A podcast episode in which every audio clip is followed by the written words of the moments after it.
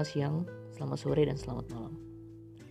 Silahkan kalian pilih tergantung kapan kalian mendengarkan podcast ini. Kembali lagi bersama gue, Elvan Dren Putra.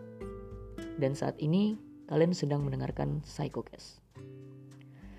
Psychocast merupakan singkatan dari Psikologi Podcast, adalah podcast yang diinisiasi oleh Himpunan Mahasiswa Program Studi Psikologi Universitas Paramadina. Di podcast ini, kalian akan mendengarkan banyak hal menarik seputar dunia psikologi. So, selamat mendengarkan. Pernahkah kalian merasakan jatuh cinta? Oh, kayaknya itu bukan pertanyaan yang harus dipertanyakan ya. Karena udah pasti semua jawabannya pernah. Jatuh, yang udah tahu pasti bakalan sakit tapi selalu dicari dan dijalani oleh setiap orang. Ya cuma jatuh cinta. Jatuh cinta adalah salah satu hal terindah sekaligus teraneh sih yang bisa kita rasakan. Meskipun berbeda untuk setiap orang, ada beberapa pemikiran dan perasaan umum yang dapat membantu orang mengidentifikasi kapan hal itu terjadi. Kalian mungkin mengalami salah satu indikator yang jelas. Kayak nggak bisa memikirkan siapa pun selain orang itu. Mungkin ada beberapa yang pernah mengalami hal itu. Seperti kamu tidak bisa berhenti menatapnya. Ya, konsultan psikolog Mark Hexter menjelaskan bahwa ini adalah salah satu tanda paling jelas bahwa kamu sedang jatuh cinta dengan seseorang. Ketika kamu melihat seseorang yang kamu cintai, kamu tidak hanya melihat seperti apa mereka, kamu mungkin melihat seluruh masa depan kalian bersama. Atau setidaknya membayangkan seperti apa masa depanmu. Anda mencari tahu, kata Hexter. Dengan cinta itu, seseorang bisa menjadi pribadi yang neurotis. Pribadi yang neurotis adalah pribadi yang teralienasi. Tindakan-tindakannya bukan miliknya sendiri. Sementara ia berada di bawah ilusi-ilusi yang mewujudkan apa yang ia inginkan. Ia didikte oleh kekuatan-kekuatan yang terpisah dari dirinya sendiri, yang berada di balik punggungnya. Ia adalah orang asing bagi dirinya sendiri. Sama seperti sesamanya, menjadi asing baginya. Ia melihat orang lain dan dirinya sendiri bukan sebagaimana adanya, tapi terdistorsi lantaran kekuatan-kekuatan bawah sadar yang bekerja di dalam dirinya. Pribadi yang gak sehat ini sepenuhnya menjadi pribadi yang teralienasi. Ia sesungguhnya kehilangan dirinya sebagai pusat pengalaman-pengalaman miliknya. Ia telah kehilangan pemahaman tentang jati dirinya sendiri. Dengan hilangnya jati diri seperti itu, maka apa yang terus-menerus disebut cinta sering tidak bermakna sama sekali kecuali fenomena alienasi berhala. Hanya dalam hal ini, bukan Tuhan ataupun berhala, tapi sosok orang lain yang disembah.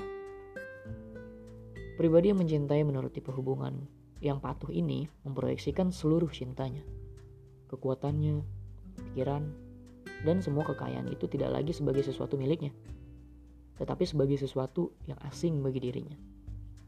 Tersimpan dalam diri orang lain dan dapat disentuhnya hanya dengan kepatuhan total, serta tenggelam di dalam orang lain. Ia gagal mengalami pribadi yang dicintainya sebagai seorang manusia dalam realitasnya juga gagal menghayati dirinya sendiri di dalam realitas seutuhnya. Sebagai pengemban kekuatan-kekuatan manusiawi produktif, ibit. Pemberhalaan cinta tersebut pada akhirnya akan menempatkan cinta itu sebagai pertukaran. Sehingga menjadi bentuk cinta yang bermodel pemilikan. Cinta sering tidak punya arti, kecuali sebuah pertukaran yang menguntungkan antara dua orang untuk meraih apa yang sangat mereka dambakan. Sambil menimbang-nimbang nilainya di pasar kepribadian. Tiap orang merupakan sebuah paket di mana beberapa aspek nilai tukarnya diramu menjadi satu kepribadiannya. Maksudnya, Di sini kualitas-kualitas yang membuatnya menjadi penjual dirinya sendiri, baik pandangan-pandangannya, pendidikan, gaji, dan kesempatan meraih sukses setiap orang berupaya menukar paket dirinya dengan nilai tertinggi yang dapat diperoleh.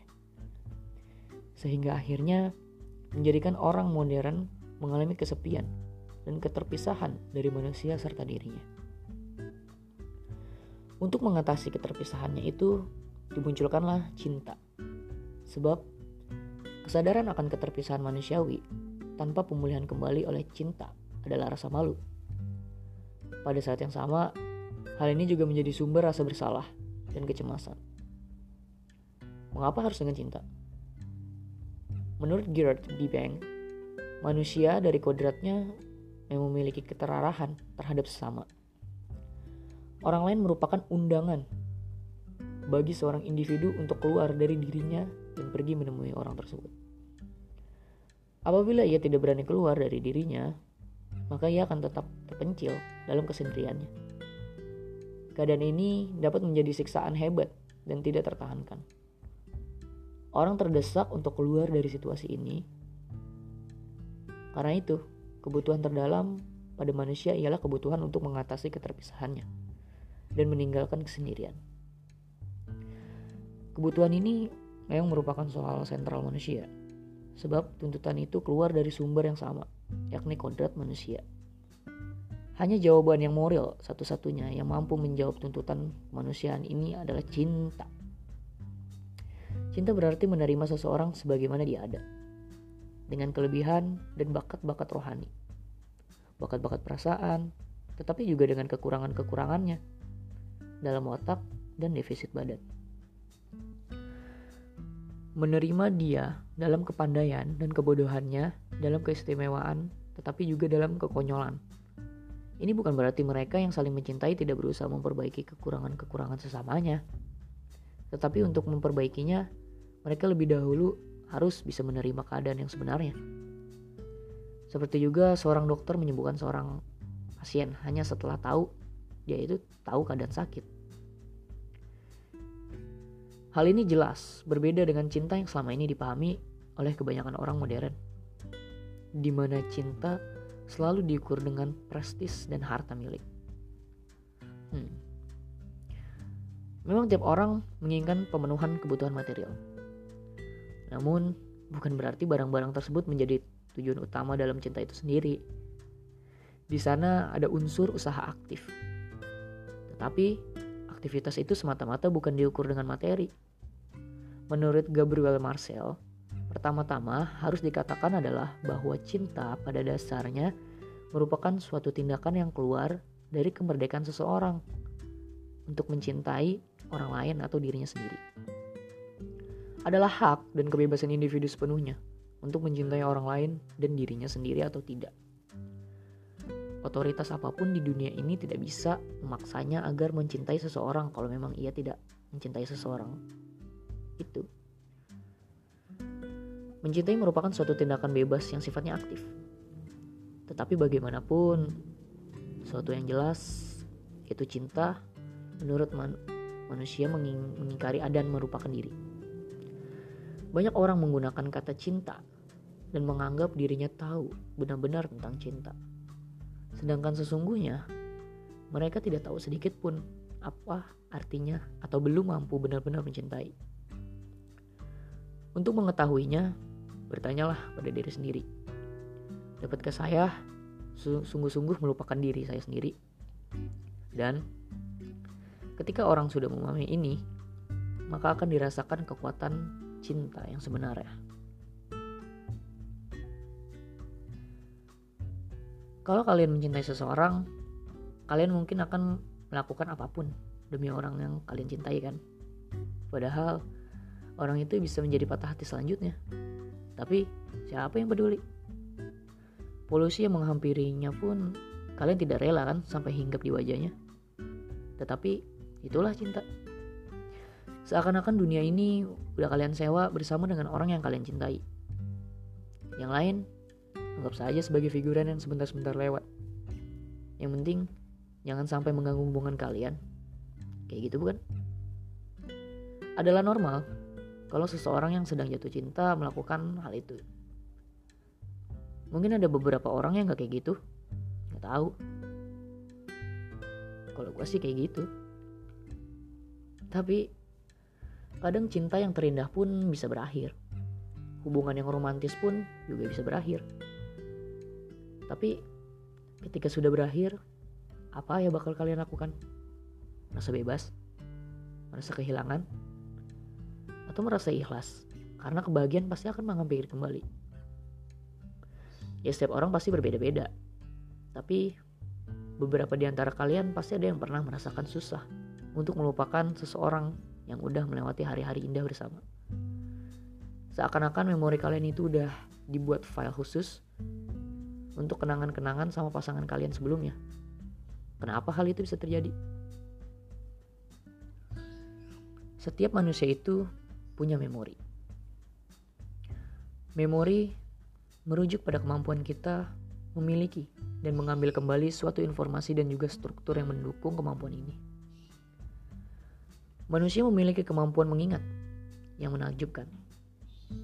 Sebagian besar dari kita bisa mengingat dengan mudah lagu kebangsaan kita, mengingat cara mengoperasikan mesin ATM, mengingat kejadian paling romantis dalam hubungan kalian, dengan jumlah yang hampir tak terhingga, dan ratusan ribu jumlah informasi lainnya. Memori adalah suatu bentuk kompetensi.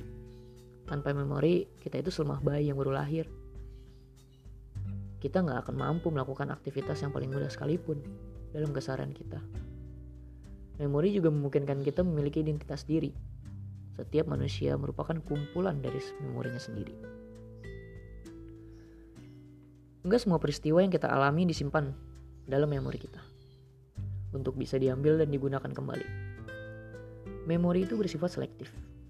Jika tidak, pikiran kita akan dipenuhi oleh berbagai informasi yang tidak berguna seperti suhu udara pada hari Kamis, harga sayuran 2 tahun yang lalu, atau nomor telepon yang udah nggak aktif.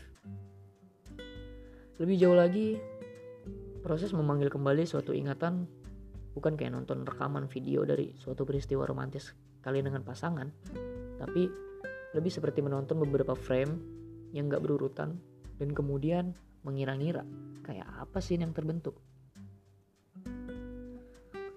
Saat melakukan rekonstruksi memori, orang akan melengkapi gambaran yang mereka miliki melalui berbagai sumber. Ya, sebagai contoh, saat seseorang meminta kita untuk menggambarkan kembali salah satu kejadian romantis yang pernah kita lalui bersama pasangan kita. Mungkin aja kita ingat kejadian itu sendiri. Tapi kita mungkin juga akan menggabungkan informasi yang kita himpun berdasarkan cerita keluarga, foto, rekaman video, dan bahkan dari kejadian romantis orang lain yang kita lihat di layar televisi. Kita mengambil potongan-potongan informasi itu, menyatukan dan mengintegrasikannya, dan akhirnya kita mungkin nggak bisa membedakan lagi antara ingatan kita yang sesungguhnya dengan informasi-informasi yang udah kita dapatkan dari berbagai sumber lainnya. Fenomena ini dikenal sebagai source misattribution atau misatribusi sumber atau terkadang disebut sebagai source confusion, kebingungan asal muasal. Dan kadang beberapa dari kalian pun ada yang pernah ngerasain susah melupakan seseorang yang sebelumnya menjalani hari-hari bersama, alias gagal move on. Apa kalian pernah ngerasain betapa sulitnya move on? Atau malah sampai sekarang kalian termasuk orang yang masih belum move on? adalah hal wajar kalau susah untuk melupakan apalagi kalian pernah lama gitu, menjalani hubungan bersamanya dengan hari-hari yang begitu indah. Laksana menang undian 100 juta. Perasaan ini akan muncul ketika kalian merasa jadi penyebab berakhirnya sebuah hubungan. Alih-alih berusaha melupakan, eh kalian malah berupaya keras memperbaiki diri biar bisa menyelamatkan hubungan yang udah kandas itu.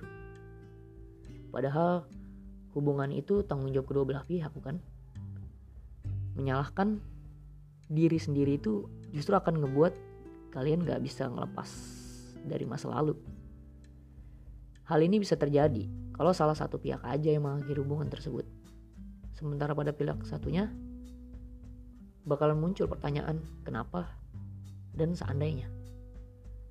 Dan dua pertanyaan itulah yang membuat proses move on jadi sulit. Karena gak semua orang bisa menemukan jawabannya. Semakin dekat hubungan kalian dengan pasangan, maka semakin besar juga pengaruhnya sama pikiran dan emosi yang kalian rasakan. Nah, Profesor Psikologi Klinis asal University of Arizona menemukan bahwa pasangan itu membantu untuk menyeimbangkan sistem fisik seseorang. Sebaliknya, perpisahan akan membuatnya terganggu pola tidur, pola makan, dan lainnya. Alasan lain kenapa seseorang sulit melupakan mantan menurut psikolog lain adalah adanya rasa kesepian yang terus hadir. Putus cinta membuat seseorang kehilangan sosok yang bisa memperhatikannya dan inilah yang membuatnya masih terbayang-bayang sosok mantan. Cukup banyak orang yang habis putus cinta langsung menyibukkan diri biar bisa cepat melupakan mantan. Padahal kondisi ini justru membuat dirinya nggak memiliki waktu buat berduka atas kehilangan yang dirasakan. Akibatnya rasa sakit, sedih, kecewa, dan marah jadi nggak benar-benar sembuh alias bisa muncul kapan pun. Nah, agar fase move on bisa berjalan dengan baik, beri waktu pada diri dan hati kalian untuk berduka. Biarkan diri kalian memproses semua perasaan yang muncul hingga akhirnya kalian pun bisa menerima kenyataan itu. Sampai di sini narasi psikologi kali ini. Semoga Podcast ini bisa menjadi pengetahuan dan informasi yang bermanfaat ya guys. Dan jangan lupa untuk tetap bahagia, walaupun kenyataan itu pahit sekalipun. Gue pengen ngucapin banyak terima kasih buat para pendengar setia yang udah nemenin gue dalam episode narasi psikologi kali ini.